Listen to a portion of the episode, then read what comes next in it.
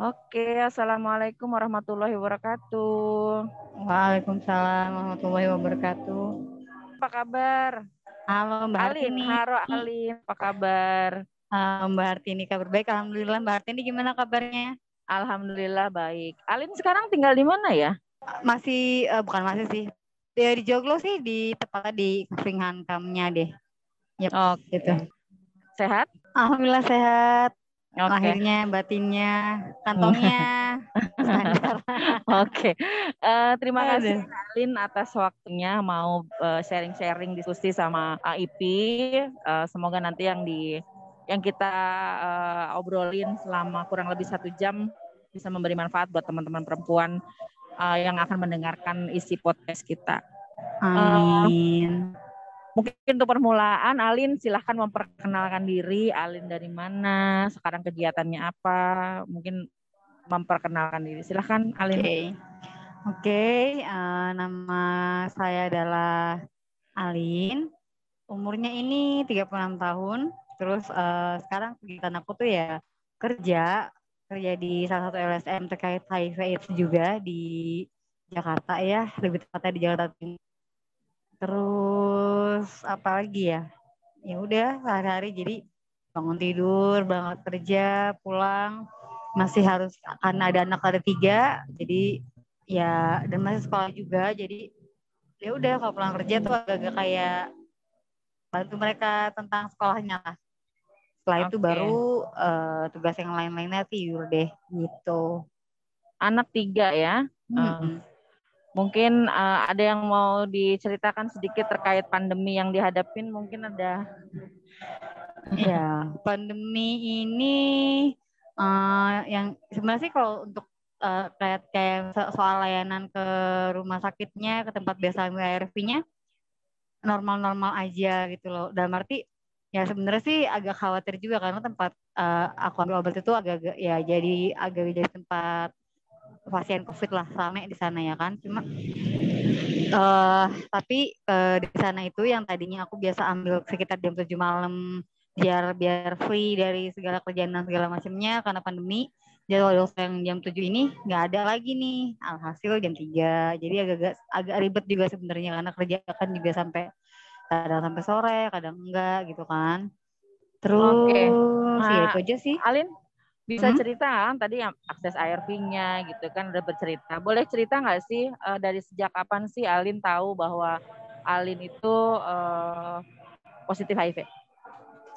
Tahu positif HIV itu September 2009 saat anak sakit. Lalu saat anak sakit itu dokternya bilang, ibu uh, dia kan ada ada jamur, ada diare, berat badan sangat sangat sangat bisa dibilang gizi buruk. Terus uh, rumah sakit karena permasalahan trombosit di badannya pada memar karena trombosit rendah. Uh, kemudian dokter bilang gini uh, ada intinya ini sakitnya adalah kelainan darah ada dua yang akan diobservasi yaitu leukemia sama HIV. Ketika yang pertama diobservasi leukemia. Ketika leukemia gagal maka kemungkinan besar HIV gitu kan. Lalu uh, diobservasi lah leukemianya. Akhirnya ternyata negatif. Berarti HIV-nya dong. Tapi karena saat itu dia masih bayi sekitar umur uh, tujuh sekitar umur tujuh bulan. Jadi yang diperiksa adalah ibunya, alias saya, ya kan. Jadi waktu hmm. lagi itu uh, disuruh VCT dia tuh di uh, poli VCT-nya. Dijelasin kan sama dokternya kenapa begitu, kenapa hal kayaknya terus kira-kira bagaimananya pokoknya disuruh tes dulu deh udah akhirnya aku tes berapa lama kemudian nerima hasil ternyata hasilnya alhamdulillah positif alhamdulillah Alhamdulillah ya. positif. Oke. Okay. Uh, ya, ya, ya, sebenarnya apa uh, Alin apa yang dirasakan saat itu pertama kali yang seharusnya memang yang melakukan pemeriksaan adalah si anak tapi ternyata uh, Alin yang diperiksa dan hasilnya uh, positif. Bahkan sampai keluar kata-kata alhamdulillah. Boleh cerita ya, itu alhamdulillahnya juga tanda kutip. Aduh. Iya, alhamdulillah tanda kutip ini. Jadi waktu itu uh, waktu lagi dikasih tahu observasinya adalah dua hal itu juga udah yang ya ya nggak dua-duanya sebenarnya nggak pengen dua-duanya. Tapi udah Aduh, uh, karena mantan almarhum bukan mantan, almarhum suami ini adalah ya pengguna jarum suntik. Jadi apa namanya? Dari awal dikasih tahu pengen observasi juga udah mulai gimana gimana. Oh itu aku nggak percaya, nggak mungkin gitu kan. Sangat sangat nggak mungkin karena merasa gue nggak ngapa-ngapain, terus eh, nggak uh, mungkin gue dapet musibah sebesar itu juga karena saat itu aku nggak aku tuh mikirnya, aku tuh nggak tahu HIV itu apa. Uh, taunya waktu lagi sekolah SMP kalau nggak salah pelajaran pelajaran IPA, HIV itu adalah satu penyakit uh, menular yang belum ada obatnya. Saat itu ngebayanginnya kayak kalau lagi nonton Walk to Remember-nya Mandy Moore tuh, yang di situ uh, dia kanker kan. Jadi aku ngebayanginnya kayak difonis kanker. Jadi kayak lo akan hidupnya tuh paling berapa lama kemudian gitu kan. Ya saat lagi dikasih tahu ternyata positif ya nangis lah pastinya.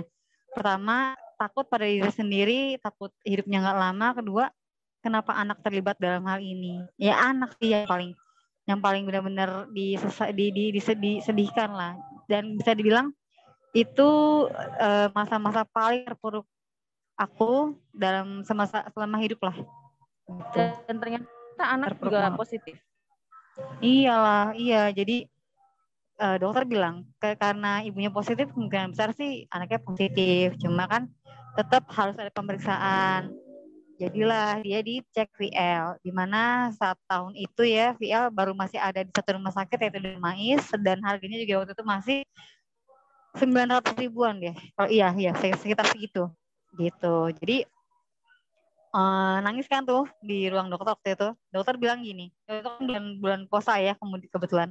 Hmm. Dia bilang, ya bu apa namanya tenang dulu aja, puasa dulu apa namanya lebaran dulu di rumah. Nanti kita ketemu lagi di sini ya habis lebaran kayak gitu. Terus uh, cek feel ini kan ma mahal.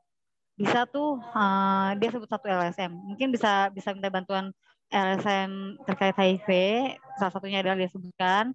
Terus uh, ya udah gitu kan. Ya aku pulang. Ya mulai saat itu aku tuh nggak sempet dong untuk untuk untuk bersedih-sedih lagi deh gitu loh. Jadi uh, sejak abis dikasih tahu kayak gitu aku tuh di rumah pulang nenangin diri. Habis itu langsung action lah. Maksudnya uh, waktu itu aku meng-email banyak banget LSM yang aku browsing dapat semua aku email bahkan sampai ke unit juga kalau nggak salah aku email tapi dari semua LSM yang aku email yang uh, apa namanya respon. yang yang respon cuma satu waktu itu dia telepon balik ke aku yaitu dia apa LSM tuh, kalau boleh. ada di oh Spirit ya Spirit ya oh Spirit ya okay. dengan Mbak Hertin waktu itu jadi okay. dia nelfon aku dia nanya uh, kenapa kenapa? Gitu loh. Emang ada ayat kronologinya? Kenapa bisa menghubungi dia? Memang mau mau gimana ya? Aku cerita semuanya. Anak ini harus VL harganya harganya mahal untuk saat itu ya. Jadi uh, dokter pun menyarankan minta bantuan LSM aku WhatsApp aku email semua banyak LSM di Jakarta. Ternyata yang respon hanya Spiritia jadi ya minta bantuan untuk VL gitu. Dan, Oke, dan akhirnya di VL Oh iya, dikasih kita ketemuan di Darmais, janjian di hari apa gitu ya dilaksanakan lah vial itu. Hasilnya hasil vialnya keluar, anak pun ARV, tapi tidak langsung ARV itu juga. Gitu. Gina sendiri setelah tahu uh, status HIV langsung uh, pengobatan enggak, uh, Alin? Enggak, enggak. Jujur enggak. Kenapa? Uh, agak jadi eh uh, aku karena kalau nggak salah itu aku masih cukup eh, berapa gitu. Kalau itu kan zaman-zaman di mana kalau belum 30% ke bawah ya. Kalau belum berapa itu CD4 kalau belum berapa gitu, belum CD okay. apa belum ARV. Di bawah di bawah 350 ya. eh 250 gitu atau 350 itu belum ya, boleh ARV Belum, iya. Dan uh. ternyata Alin CD4-nya di atas itu. Masih di atas. Oke. Okay. Ya. Dan akhirnya berapa lama Alin melakukan pengobatan dengan uh, si anak? Anaknya maksudnya? Uh, uh, oh ya uh, atau berbeda? Kalau anak beda. uh, langsung? Iya jadi anak pun nggak langsung karena uh, kan pulang dulu nih. Berapa lama kemudian sebelum akhirnya ke rumah sakit lagi dia kena campak. Campaknya campak rubella pula. Terus itu juga tuh apa namanya masa masa-masa di mana aku kan um, namanya pertama kali uh, biasanya kan kalau sakit paling panas batuk pilek gitu kan ini pertama kalinya. Campak itu kan bayi lumayan ya lumayan rewel lumayan luma, bukan lumayan rewel rewel banget. Aku sampai jadi eh, setelah tahu kena apa namanya terinfeksi HIV itu aku tuh jadi dikit-dikit kalau sakit tuh mikirnya akan aduh udah detik apa namanya detik-detik terakhir nih suka kayak gitu. Jadi tuh pokoknya ngeliat anak yang nangis nggak mau makan ngeliat uh, kulitnya segala macam kayak uh, campak gitu kan. Aku sampai bilang ya Allah kalau ini memang mau diambil ambil aja. Jangan bikin dia tuh ya menderita. Kayak gitu lah iya uh, kayak gitu kan. Tapi akhirnya ya berta ya harus kuat lah ya kan. Ada hmm. uh, akhirnya alhamdulillahnya dia sembuh. Jadi September dia terdiagnosa positif ya viral kayak banyak maksudnya. Baru di Januari dia bisa running ARV gitu. Oke. Okay. dari September ya? September hmm, baru runningnya Januari. iya karena nah, kalau Alin sendiri? nah nah udah gitu. Uh, Januari si anak ini ARV uh, iya di itu kan Januari. Februarinya tahu tahu aku hamil lagi. Gara-garanya memang nggak sempat merhatiin KB-nya uh, aku tuh kan uh, sebelumnya KB-nya suntik. Tapi keluar darah terus. Capek banget. Jadi akhirnya niatnya mau berhenti KB suntik ke rumah ke, ke puskesmas tuh kalau lagi mau ganti apa gitu. Cuma mungkin karena karena uh, jauh juga waktu itu tempat tempat aku KB-nya yaitu tempat uh, anak ini check up waktu dia aku masih hamil dia. Hmm. terus uh, plus masih sibuk sama si ARV dia baru ARV baru-baru. Karena dia alhamdulillahnya setelah ARV memang kayak makanya juga aku percaya ARV dari yang jadi dia kan kurang gizinya tuh kayak harusnya anak ini umur enam bulan bisa ini uh, terus misalnya ntar di umur sekian bulan bisa ini dia nggak bisa tuh sebelum ARV ketika sudah ARV tahu-tahu jadi bisa ini, bisa ini, bisa ini. Jadi aku juga agak sibuk. Nah, akhirnya Oh, uh, jadi dia uh, setelah ARV justru melihat berkembang. uh, perkembangannya tuh sama dengan anak-anak uh, seusianya dia. Gitu. Uh, walaupun berat badan perlahan-perlahan perlahan lah ya kan. Nggak Terus, langsung gitu ya. Nah, nah, pas lagi tahu hamil, aku sempet yang rumah tangga kan juga nggak beres ya. Gimana nggak pokoknya nggak nggak nerima lah gitu loh. Nggak nerima ya karena karena takut, takut akan anaknya akan positif juga yang ketiga ini. Terus juga nggak kalau aku hamil otomatis kerja di rumah dong nggak bisa kerja nggak bisa apa gitu sedangkan rumah tangga tuh ya nggak mungkin deh gitu loh. Pokoknya nggak beres lah sama suami ya kan? Aku tuh berpikir lah untuk aborsi waktu itu. E, cari informasi di internet. Mulai dari yang ilegal tapi kan wah kayaknya gue ngimban ngumpulin kerja juga enggak gitu kan. Uh, karena anak sakit ya nggak pernah nggak kerja. Kerjanya cuma waktu itu guru privat uh, anak SD aja waktu itu. Kurang lah kalau buat niat banget aborsi sumpah waktu itu niat banget aborsi sampai akhirnya cari browsing tuh yang legal nggak sih gitu loh.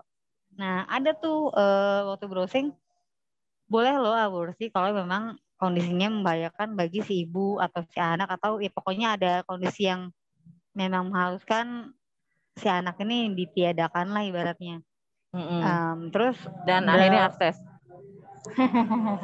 nah, akhirnya uh, ke ini kan ke rumah sakit lah, rumah sakit tempat di mana satu-satunya RV anak hanya ada di situ, tempat di mana mm. anak ini juga dirawat di situ.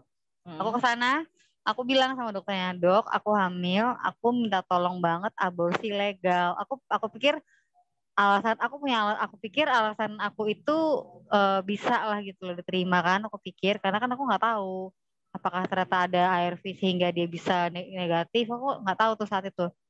Tapi ya seperti biasa yang namanya dokter kan nggak mungkin oke bu silahkan ayo kita aborsi. Kan nggak mungkin. Dia cuma hmm. bilang nggak nggak nggak nggak kok bu gitu loh. Sekarang kan obat udah udah banyak ya udah uh, apa namanya pengobatan juga semakin canggih banyak kok yang hamil dan keadaan positif HIV tapi dia anaknya negatif walaupun memang gak 100% ya gitulah pokoknya dibujuk segala macam lagian kalau misalnya kalau misalnya ini malah membahayakan kalau diaborsi takutnya malah ibunya juga malah jadi bahaya lah intinya itu juga bukan hal yang aman kayak gitulah Dan akhirnya tidak jadi diaborsi. Iyalah, kan nggak mau dokternya juga. Ya udah akhirnya uh, pertama kalinya ARV saat itu kan mau nggak mau dicek CD4 juga sudah 27 persen CD4-nya waktu itu.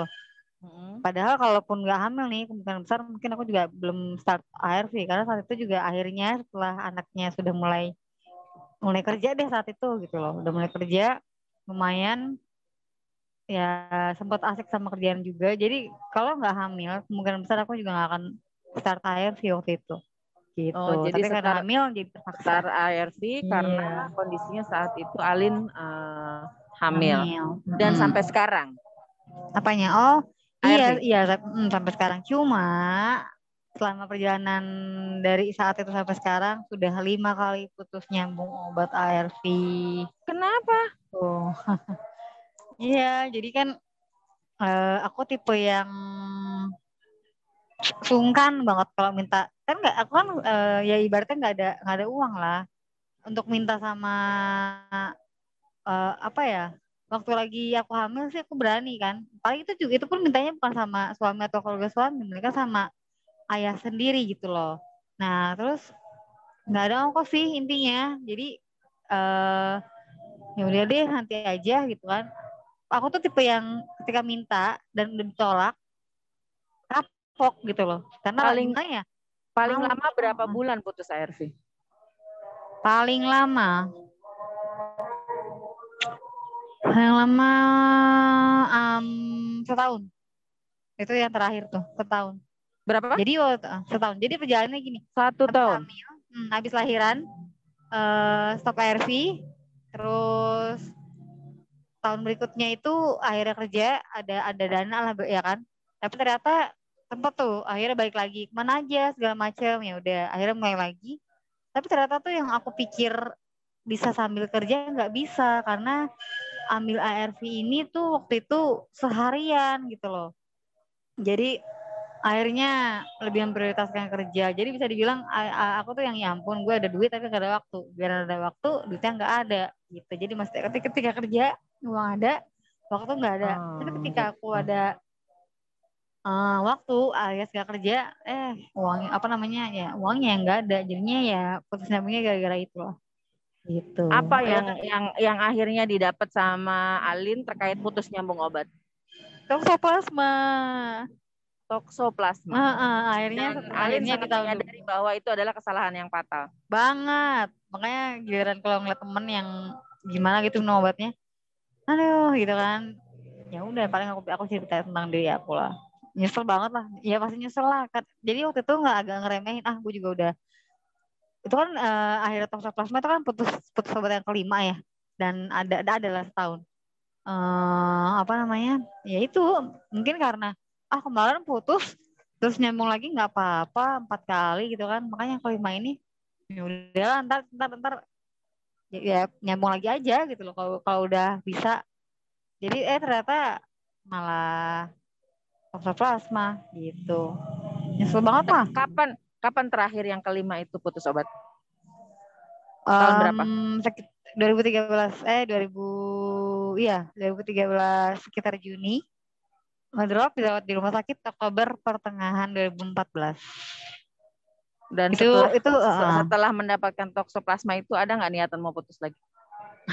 Enggak padahal itu jadi tuh beberapa jadi uh, putus obatnya itu beberapa lama setelah waktu itu kan aku kan sama IPI ya futsal ya kan? Kegiatan ini itu sama IPI akhirnya ya berapa lama setelah itu putus putus putus karena ya nggak nggak apa ya putus sobat akhirnya uh, ya udah toksolnya di, di 2014 nggak nggak nggak mau lagi lah. Karena kan uh, ini dua tapi nggak langsung ini dua sih. Abis toksoplasma masih dicoba ini pertama Terus uh, di bulan keberapa setelah tokso gitu, kok ini CD4 nggak naik-naik, ya kan? Sedangkan syarat untuk berhenti obat tokso itu CD4 harus 200 ke atas, 200 lah minimal. Aku tuh sampai yang jadi di sana uh, cek CD4 tuh sampai sebulan sekali. Jadi kalau misalnya aku disuruh cek apa, aku nge aku ngecek sendiri itu bagian CD4-nya terus sampai di di bulan keberapa aku lapor sama dokternya dok ini tuh nggak naik naik aku sodorin kan hasil CD4 yang tiap bulan tiap sebulan sekali aku dimarahin sama dia. Ya ampun ibu ngapain ini? Cek di for sebulan sekali kayak gini nggak nggak nggak worth it juga nggak nggak nggak ada apa ya namanya nggak nggak guna gitu loh maksudnya. Ya habis gimana dok? Uh, ya aku cerita lah si for masa nggak ini segala macam masa nggak ada perkembangan? Uh, aku yang minta untuk evaluasi ya udah akhirnya si akhir VL waktu itu masih banyak aku lupa berapa tapi banyak. Terus ibu ini deh apa namanya selama VL itu selama observasi tolong minum obatnya yang benar, tetap yang benar dulu. Terus akhirnya di VL kedua 2014 eh enggak enggak 2015 deh kalau nggak eh, 2015 akhir akhirnya masih banyak tambah banyak uh, nilai viral loadnya. Akhirnya oke okay, ini dua Alvia Tervadas eh, Alvia Lipodin sama Tenofovir waktu itu.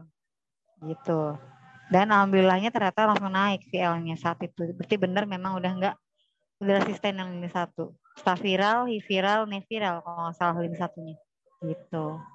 Oke, jadi ada banyak pelajaran yang yang akhirnya bahkan eh, apa namanya penyakit yang didapat sama Alin karena memutuskan untuk putus ARV dan itu adalah menjadi hal yang penyesalan terbesar mungkin ya. Iya, Kenapa harus kan, putus obat uh, gitu kan? Karena itu sakit bener-bener lagi enak-enaknya kerja gitu loh lagi betah-betahnya kerja di situ yang biasanya agak pindah-pindah jadi enggak deh di sini gue pengen lama di sini gue pengen terus-terusan gitu kan. Terus waktu lagi sakit juga ah, paling udah uh, nanti juga cepet lah sembuh langsung kerja lagi. Ah ya, ya udah akhirnya kehilangan kerjaan kan. Di hmm. kerjaan yang memang padahal aku rasa tuh itu lagi paling nyaman selama aku kerja gitu loh. Nyesel kehilangan pekerjaan. Hmm. oke. Okay. Alin uh, itu adalah pengalaman terbesar karena Alin memutuskan untuk uh, berhenti atau putus nyambung yang namanya pengobatan. Uh, sumber kekuatan Alin hingga saat ini dari tahun 2009 itu siapa? Anak, anak semua anak. Dari sebelum tahun 2009 itu permasalahan keluarga banyak segala macam juga dari awal memang udah anak yang menguatkan gitu loh. Anak lah. Anak. Oke. Okay. Uh, satu lagi sama bokap gue yang Bokap. selalu ready apa pun yang gue lakuin apa pun yang terjadi dia selalu ready ada di depan. Apa namanya? Selalu ada selalu, selalu ready lah pokoknya buat buat anaknya gitu loh. Oh gitu. Uh, Alin uh, apa perubahan terbesar uh, dari uh, Alin uh, setelah menjadi atau setelah berhidup setelah hidup berdampingan dengan HIV perubahannya apa ya ya lebih inilah sama kesehatan jadi lebih uh, lebih peduli sama kesehatan diri sendiri gitu kan lebih lebih apa ya misalnya dalam sisi aspek yang mana nih ya kak jadi perubahan terbesarnya tadi uh, dan berapa segala macam oh, berapa gini. Oke oke sebentar perubahan terjadi itu aku jadi lebih sangat jadi sangat senang berkomunitas. Aku senang aku lebih aku jadi kayak eh pokoknya senang berkomunitas lebih menjaga kesehatan diri sendiri. Lebih ya kan kalau berkomunitas berarti bersosialisasi ya. Yang terbesar sih itu. Banyak banyak yang banyak yang berubah cuma yang terbesarnya itu sih. Jadi lebih lebih senang banget berkomunitas. Jadi sampai-sampai kayak membutuhkan komunitas gitu loh. Komunitas itu adalah tempat healing terbesar aku saat itu gitu loh. Gitu. Alin, kalau uh, seandainya ini kan ini seandainya ya, waktu bisa diputar. Apa sih yang pengen Alin ulang? Ya yang pengen aku ulang ya kalau bisa ya jangan terinfeksi HIV lah tapi itu nggak mungkin ya yang paling aku yang pengen paling aku yang paling pengen aku ulang itu eh, masa-masa uh, di mana aku jangan putus obat gitu loh. Itu itu sih. Kalau bisa kalau bisa ya kalau bisa jangan terinfeksi. Cuma atau ya paling enggak uh, jangan inilah. Jangan ya iya soal putus obat itu. Jangan jangan jangan putus obat lah kalau bisa. Karena berasa banget kan yang tadinya aktivitasnya bisa maksimal jadi terbatas yang tadinya bisa kerja non formal eh yang tadi tadi bisa kerja bisa formal jadi nggak bisa. Banyak lah itu loh. Itu sih yang paling yang paling suka masih disesali itu. Aduh coba gue nggak plus obat ya coba, uh, jadi nggak oh. ya kayak gitu loh. Jadi kayaknya itu okay. sih yang paling pengen gue rubah. Itu kalau bisa diulang tidak akan pernah hmm, putus pengobatan ya uh, paling uh, berasa sampai sekarang.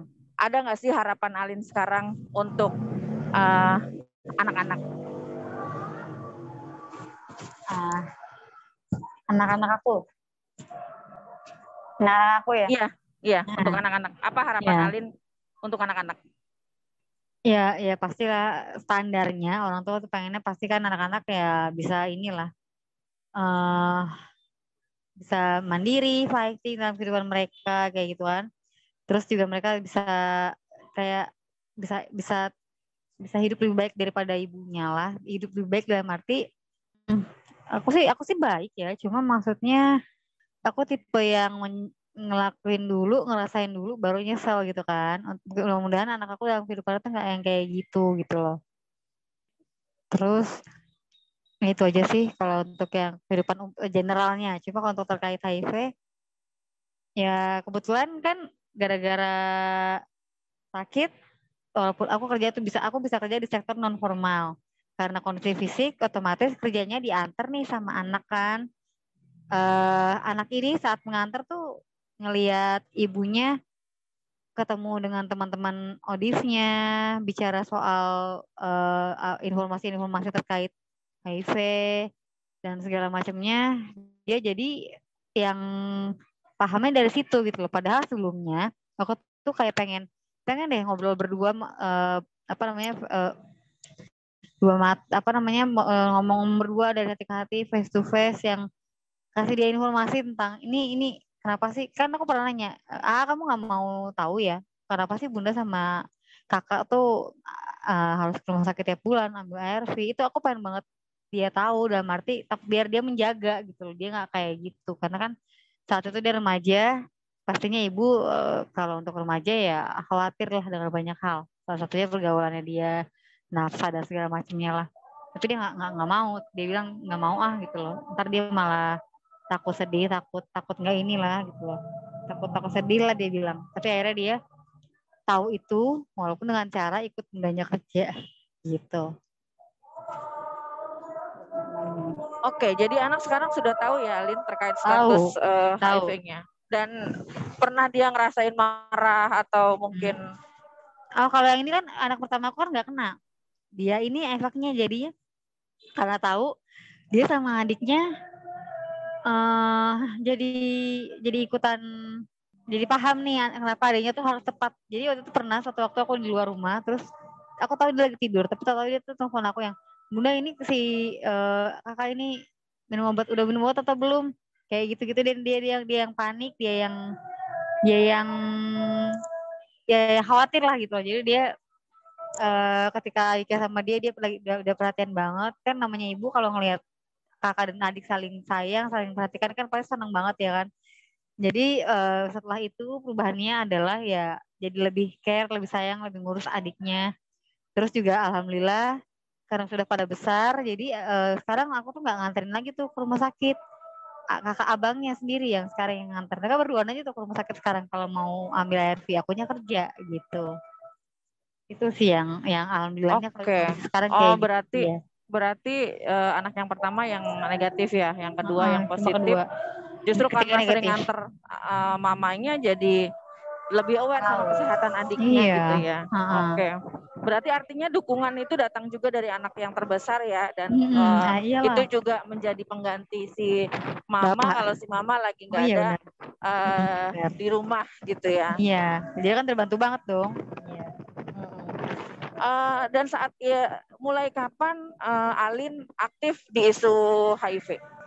Waktu itu uh, karena dari sejak dari setelah melahirkan ya, dari dari setelah melahirkan kan aku bilang tadi aku mulai senang berkomunitas, jadi aku mulai senang untuk tahu cari tahu banyak mana-mana sih tempat-tempat yang aku bisa bisa inilah bisa ikut kegiatan bisa aktivitas ya kan? Salah satunya kan IP gitu kan.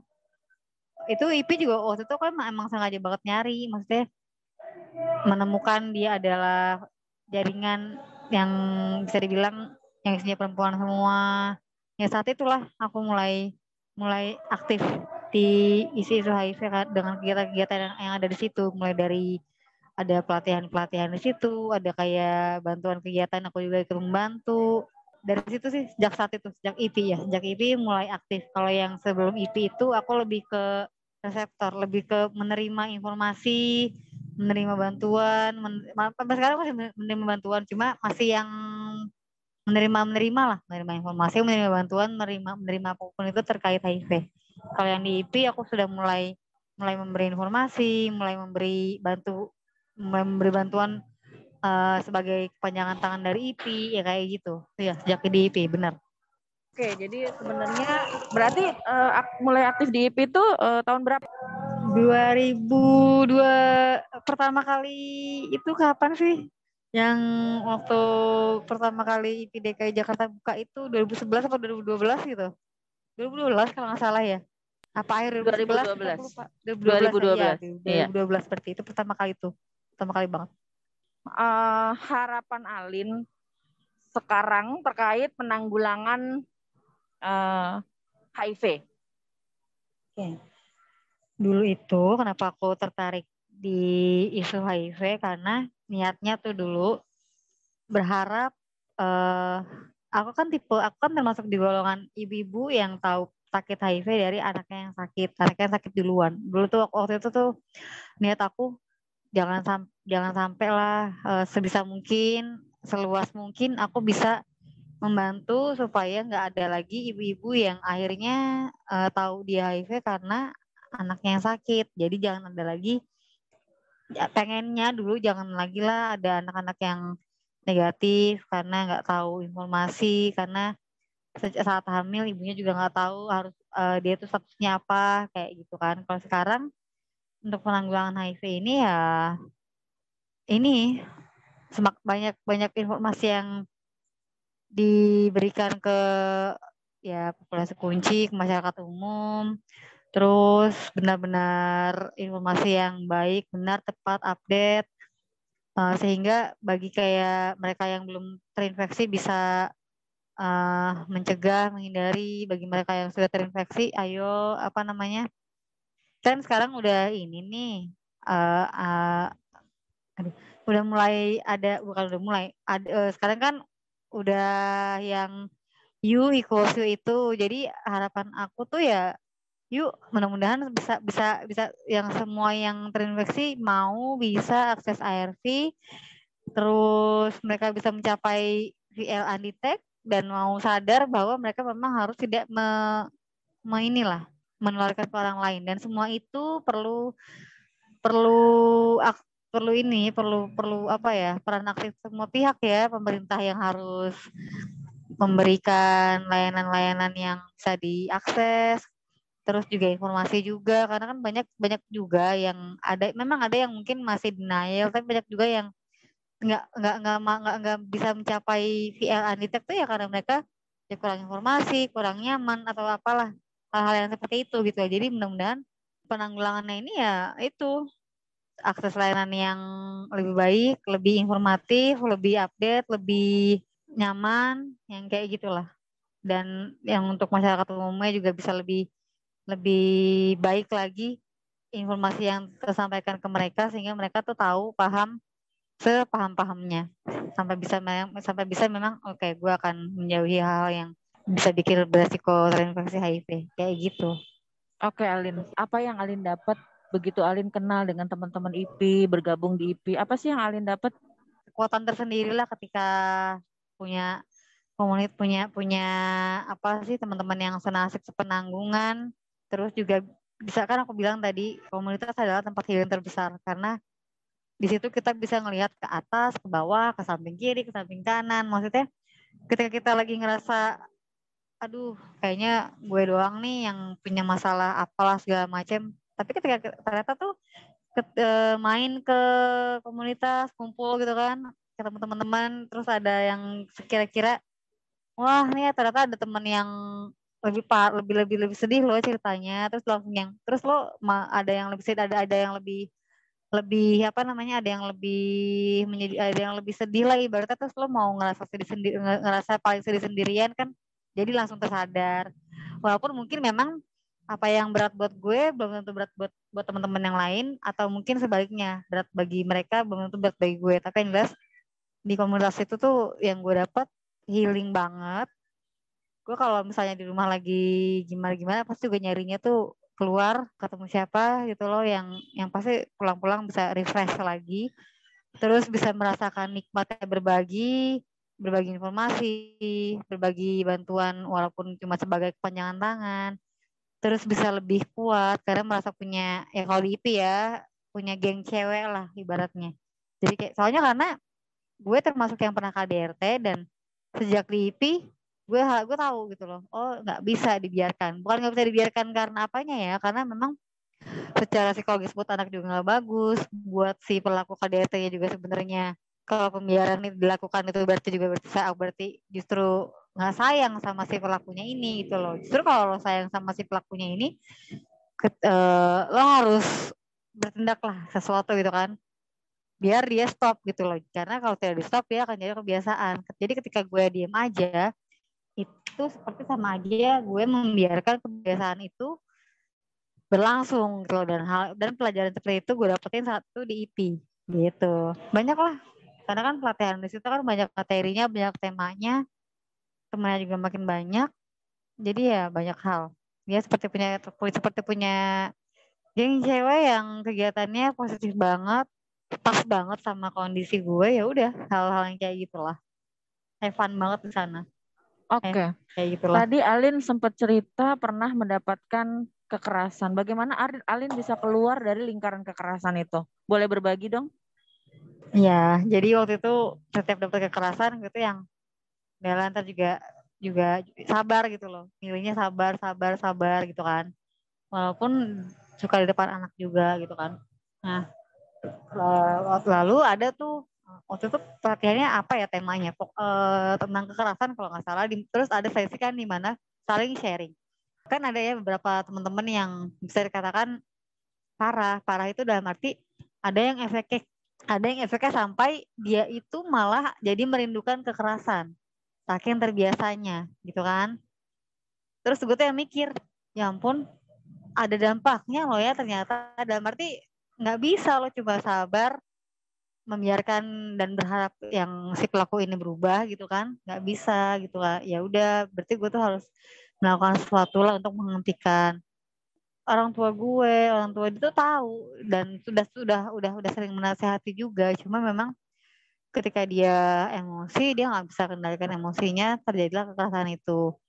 Terus ya info dari IP juga dari pelatihan yang saat itu juga ya udah akhirnya gue beranikan diri waktu itu gue udah niat oh, setelah pelatihan gue udah niat ada ada sekali lagi gue ngalamin gue akan bertindak. Jadi akhirnya kejadian juga tuh ngalamin lagi. Kebetulan juga ada ada bukti fisik juga gitu kan. Ya udah kan karena gue udah niat setelah itu nggak boleh lagi ada kekerasan yang gue diamkan langsung tuh oh ya ada ada ini nih ada ada bukti fisik juga nih gitu kan. Ya udah akhirnya gue ke P2 TP2 itu uh, dan akhirnya gue benar-benar melaporkan dia ke waktu itu ke Polres uh, ke Polres ya. Tapi kan itu lama banget ya suratnya. Akhirnya uh, datang juga tuh suratnya tuh. Ternyata ya panik juga dia keluarganya sih yang panik. Entah entah keluarganya ngomong apa entah mungkin dia memang kapok sama karena dapat surat panggilan itu. Akhirnya memang balik lagi gue sama dia dan dan dan Iya, um, uh, alhamdulillahnya entah apa yang benar, apakah itu benar-benar karena gue laporkan dia udah nggak fisik lagi, ya, udah nggak, udah nggak ada kekerasan lagi, paling dia pergi gitu loh, gitu. Udah sih itu sih, jadi alhamdulillah gue di kehidupan gue ke, ke, ke apa namanya peristiwa kekerasan itu adalah hal yang nggak berlarut-larut akhirnya setelah gue tahu informasi dari IP itu, gitu. Oke. Okay akhirnya bisa uh, tidak harus bercerai, tidak harus yeah. meninggalkan pasangan, hmm, tapi ternyata bahkan, kita bisa mengkomunikasikan yeah. dan akhirnya tidak lagi yeah. terjadi kekerasan. Iya, dan bahkan gue uh, tetap bersama dia sampai dia menutup mata dan gue tetap merawat dia saat sakit-sakit itulah segala macam gitu. Oke. Okay. Terima kasih Alin atas sharingnya. pastinya tidak mudah bicara tentang kekerasan. Iya, okay. lo tuh yang cuma bisa nangis ya kan. Terus dulu tuh ya, gue bangun tidur tuh harus ngeliat handphone. Dulu tuh gue kan tipe karena suka membaca mungkin ya. Gue jadi tipe yang bisa kena dengan kata-kata. Itu setiap bangun tidur tuh gue nggak bisa kalau nggak ngeliat dulu FB-nya Mario Teguh. Nah kenapa itu tuh sering ada ada ada quote-quote yang ya yang yang kebetulan pas dan akhirnya yang menguatkan gitu. Dulu tuh kayak gitu, benar-benar nggak bisa bangun tidur tanpa ngelakuin hal itu sampai segitunya. Akhirnya lama-lama terbiasa lama-lama uh, karena karena ya itu karena banyak teman juga banyak informasi juga akhirnya udah nggak lagi nangis nangisnya gitu udah nggak lagi harus bangun tidur harus wajib buka FB-nya si Mario Teguh dulu tuh udah nggak lagi gitu udah ada udah ada motivasi lain lagi yang menguatkan juga gitu. Oke, Alin mungkin ini pertanyaan-pertanyaan terakhir ya. Dari segala macam uh, cerita-cerita yang Alin uh, ceritakan uh, tadi adalah banyak hal gitu ya. Dari yang memang uh, tahunnya uh, di 2009 sampai akhirnya sekarang berdiri gitu ya. Uh, mendapatkan kekuatan dari anak. Dan sekarang aktif di isu HIV apa yang membuat Alin tetap uh, stay, tetap ada di isu HIV? Karena memang dulu juga tuh salah satu alasan gue kenapa eh, stay di isu HIV, gue ada anak, anak-anak anak yang positif gitu kan. Pasti dong kepikiran ini anak kalau udah gede gimana, penerimaan dia gimana, kehidupan dia gimana. Ya berharap ber, berharapnya bisa nih gitu loh uh, walaupun nggak banyak entah walaupun sedikit bisa bisa bisa bisa bisa apa ya bisa bantu supaya dunia anak gue ini ke depannya nanti saat dia dewasa nggak sekencang saat gue dulu gitu loh stigmanya diskriminasinya akses pelayanannya kayak gitu. Jadi ya udah dulu dulu salah satu motivasinya adalah itu. Ingin berkontribusi me, me, apa ya berkontribusi menyiapkan dunia yang lebih baik untuk untuk anak gue ataupun anak-anak yang lainnya tapi ya khususnya anak gue lah. Biar saat mereka dia dewasa dia tuh udah nggak yang ya pokoknya bisa menjalani kehidupan dia senormal mungkin gitu kan. Dan jadi ya ya itu salah, salah satu motivasinya lah. Iya, kenapa masih tetap oh, uh, bertahan. Oh, iya. Isu. Nah, dan dan memang ternyata gue nyaman di situ. Jadi kan ketika akhirnya toksoplasma nggak bisa kerja di sektor formal, kerjanya di sektor non formal alias LSM lah gitu kan. Kayaknya memang gue tuh yang bikin bertahan karena memang senang banget yang namanya sharing, senang banget yang namanya informasi ya pokok senang senang sama yang senang berbagi berbagi informasi tuh seneng banget gitu loh. Terus nyaman nyaman di situ karena eh, eh kerja kerja sama-sama dengan teman-teman lebih nyaman. Nggak nyaman sih kerja di sektor formal. Cuma kan waktu gue di sektor formal kan nggak open status. Walaupun akhirnya ujung-ujungnya ketahuan juga ya kan. Terus kalau di teman-teman LSM ini karena banyak yang olive juga rasanya beda gitu loh. Jadi lebih jadi diri sendiri lebih nggak mungkin kan nih kayaknya uh, masa ya nggak mungkin gitu loh kalau di di teman-teman di, di kerjaan yang lama. Total gue gue cerita soal gimana uh, mungkin gue telat minum air sih gimana mungkin gue ambil obat lagi ngebetain banget rumah sakitnya hal, -hal kayak gitu kan nggak mungkin. Jadi nyaman dan kayaknya itu kayaknya memang dunia gue banget gitu loh. Karena memang dunia gue banget dalam arti senang gue tuh senang di kerjaan yang bisa banyak berkomunikasi sama orang. Senang berbagi pengalaman juga. Jadi ya tepat juga nih kayaknya gue untuk lebih stay di sini karena selain hobinya apa namanya karena bisa lebih bermanfaat lah buat orang. Memang memang ini lah memang ya harus gitu loh. Kayaknya memang merasa ya harus lah gitu loh ketika kita tahu sesuatu orang lain nggak tahu dan kalau nggak tahu akibatnya akan bagaimana sedang sedang kita tahu akibatnya akan gimana dia nggak tahu itu kayaknya kayak kayak lama-lama jadi kayak merasa wajib gitu loh merasa ada suatu kewajiban iya. karena sama-sama pernah merasakan hal yang sama ya. Iyalah, apalagi kalau itu perempuan itu udah paling sensitif banget. Oke. Okay. Alin, apa pesan Alin untuk teman-teman yang saat ini sudah tahu status HIV-nya tapi belum mau melakukan pengobatan? Teman-teman yang belum mau ARV, apa namanya uh, segera ARV lah gitu loh karena ya kesehatan itu kan paling kesehatan itu adalah hal paling mahal yang yang yang yang diberikan Tuhan ke kita. Kalau punya uang banyak pun ibaratnya nggak akan gunanya kalau nggak ada pokoknya uh, ya, lo harus prioritas utama tuh sebenarnya tuh kesehatan. Karena kalau lo sehat lo akan bisa ngapa ngapa akan bisa melakukan banyak hal gitu loh. Uh, sadar dulu tentang kesehatan. Jangan sampai lo kehilangan kesehatan itu baru lo mau bisa menyadari apa itu sehat gitu loh. Dan kesehatan buat Odif buat kita yang terdiagnosa atau terinfeksi HIV ya adalah salah satunya dengan ARV jadi ya cari informasi lah sebanyak banyaknya setepat-tepatnya tentang ARV itu apa kenapa kita harus ARV gue yakin kalau dapet informasi yang tepat yang update yang benar itu akan bisa bikin lo ARV coba lo cari cari tahu dulu sebanyak-banyaknya karena mungkin lo nggak mau ARV itu juga karena ya banyak lo mungkin belum tahu, belum lihat kayak gitu. Coba deh, coba buka mata lo, buka hati lo, coba jalan langkahkan kaki lo ke mereka yang sudah terinfeksi, lihat mereka, mereka yang masih yang yang yang tetap normal-normal saja bahkan lebih baik dan baru setelah itu baru putuskan untuk ARV atau enggak sih gitu. Pasti lo akan putuskan untuk ARV setelah semua itu. Sekarang dilanjut. Kenapa uh, apa pesannya Alin untuk teman-teman yang sudah melakukan pengobatan seperti tadi cerita Alin tapi akhirnya memilih memutuskan untuk tidak minum ARV. Oke, okay, guys. Putus obat seperti hmm. uh, Alin tadi. Ya. Ya, jadi sama, sama sih mau audit mau bukan.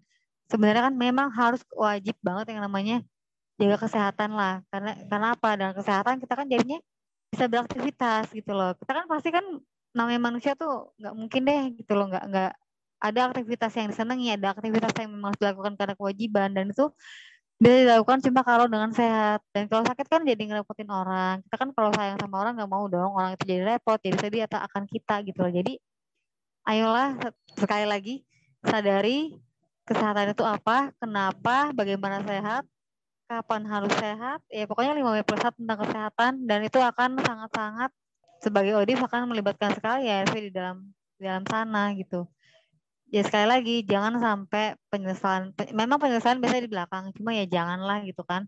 Jangan inilah jangan hal-hal yang tidak baik dari orang lain tuh jangan diikuti jangan dilakukan juga. Jadi jangan sampai lo juga tahu dulu tuh efeknya apa uh, baru pengen baru mau bersedia minum ARV jadi ya udah cari cari tahu lah informasi lah inilah nanya lah cari informasi lah segala macam itu lagi itu lagi. Memang memang intinya yang ditekankan sehat bener deh sehat is everything gitu loh Alin, apa pesan Alin untuk teman-teman perempuan yang saat ini mungkin sedang hidup di lingkaran kekerasan dan kesulitan untuk mereka keluar dari lingkaran tersebut? Oke, okay. Oke teman-teman uh, yang jelas jangan ditanggung sendiri, jangan carilah bantuan.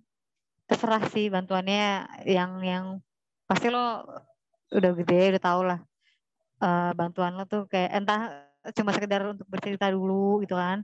Cari bantuan yang kompeten untuk bantu lo kasih solusi gitu loh. Jadi bukan solusi sih paling enggak intinya memang kalau untuk keluar dari situ ya ya jangan jangan inilah karena dampak jangan jangan egois bukan egois jangan yang udahlah nggak apa-apa gitu kan uh, ntar juga gimana gimana karena dampaknya itu ternyata sangat besar. Jadi kalau misalnya lo diamkan saja sebenarnya bukan bukan sabar itu gitu loh. Justru itu kayak egoisan yang itu tuh ya karena lo membiarkan dampaknya akan semakin meluas. Yaitu ya kalau misalnya lo punya anak akan ke anak lo kalau misalnya bahkan ke yang ke si pelaku kekerasan itu pun jadi makin kebiasaan gitu loh. Yang harusnya tuh bisa kita tuh bisa nolongin. Iya anggaplah dia sakit gitu loh. Kita tuh harus nolong dia sebenarnya biar dia tuh ini nggak nggak ya stop stop melakukan kekerasan lah gitu kan. Karena pasti kerugian dia juga akan banyak. Jadi ya ayo cari bantuan lah kalau ada itu. Seminimal minimalnya berceritalah gitu kan. Terus next stepnya kalau masih nggak ada perubahan ya harus cari cari lah. Karena itu kan adalah masalah-masalah itu kan terjadi harus dicari solusinya jadi ya tolong jangan diam cari bantuan yakinkan bahwa mendiamkan kekerasan itu sangat-sangat keputusan yang buruk gitu. Oke, jangan diam ya, jangan. cari bantuan uh, dan Yakinkan bertindak. diri lah. Ya. Okay. Yakinkan diri siap. tuh nggak bisa didiamkan gitu. Oke, siap. Terima kasih Alin. Satu terakhir pertanyaan, uh, apa pesan Alin atau Alin mau, mau memberikan kata-kata kepada teman-teman yang nanti mendengarkan podcast kita? Oke teman-teman yang terima kasih sudah mendengarkan uh, kita kita dari IP ini untuk berbagi cerita. Harapan kita apa ya harapannya ya mudah-mudahan HIV ini tuh bisa lah gitu loh teman-teman anggap ya seperti penyakit kronis lainnya ya kayak jantung kayak diabetes hal-hal yang kayak gitulah. Jadi tolong jangan biar biar supaya nggak usah dieksklusifkan nggak usah diistimewakan nggak usah dikecilkan juga gitu. Jadi mudah-mudahan ya kayak covid lah. Awal-awalnya kan takutin banget juga tapi kayaknya semakin ke sini semakin berusaha untuk bisa berdampingan dengan covid kita kan. Mau nggak mau terpaksa harus berdampingan dengan covid. Jadi mudah-mudahan semua lapisan masyarakat semua yang terinfeksi maupun tidak terinfeksi HIV pada akhirnya bisa hidup berdampingan dengan HIV ini sendiri dengan apa ya dengan dengan sebaik-baiknya dengan yang sewajar-wajarnya lah gitu loh. Anggaplah biasa lah HIV yuk jangan jangan dianggap yang gimana gimana karena memang sebenarnya ya udah anggap aja penyakit penyakit yang seperti penyakit kronis lainnya itu aja jangan ditambah tambahin embel-embel yang lainnya juga oke gitu aja sih Oke, terima kasih Alin atas bincang-bincangnya. Semoga Sama-sama. apa yang sudah Alin ceritakan di podcast Inspirational Woman ini bisa menjadi atau menginspirasi teman-teman yang saat ini memang uh, pernah mengalami atau sedang mengalami apa yang pernah Alin alami. Terima kasih banyak atas waktunya. Sehat selalu, uh, tetap prokes dan wassalamualaikum warahmatullahi wabarakatuh. Waalaikumsalam warahmatullahi wabarakatuh.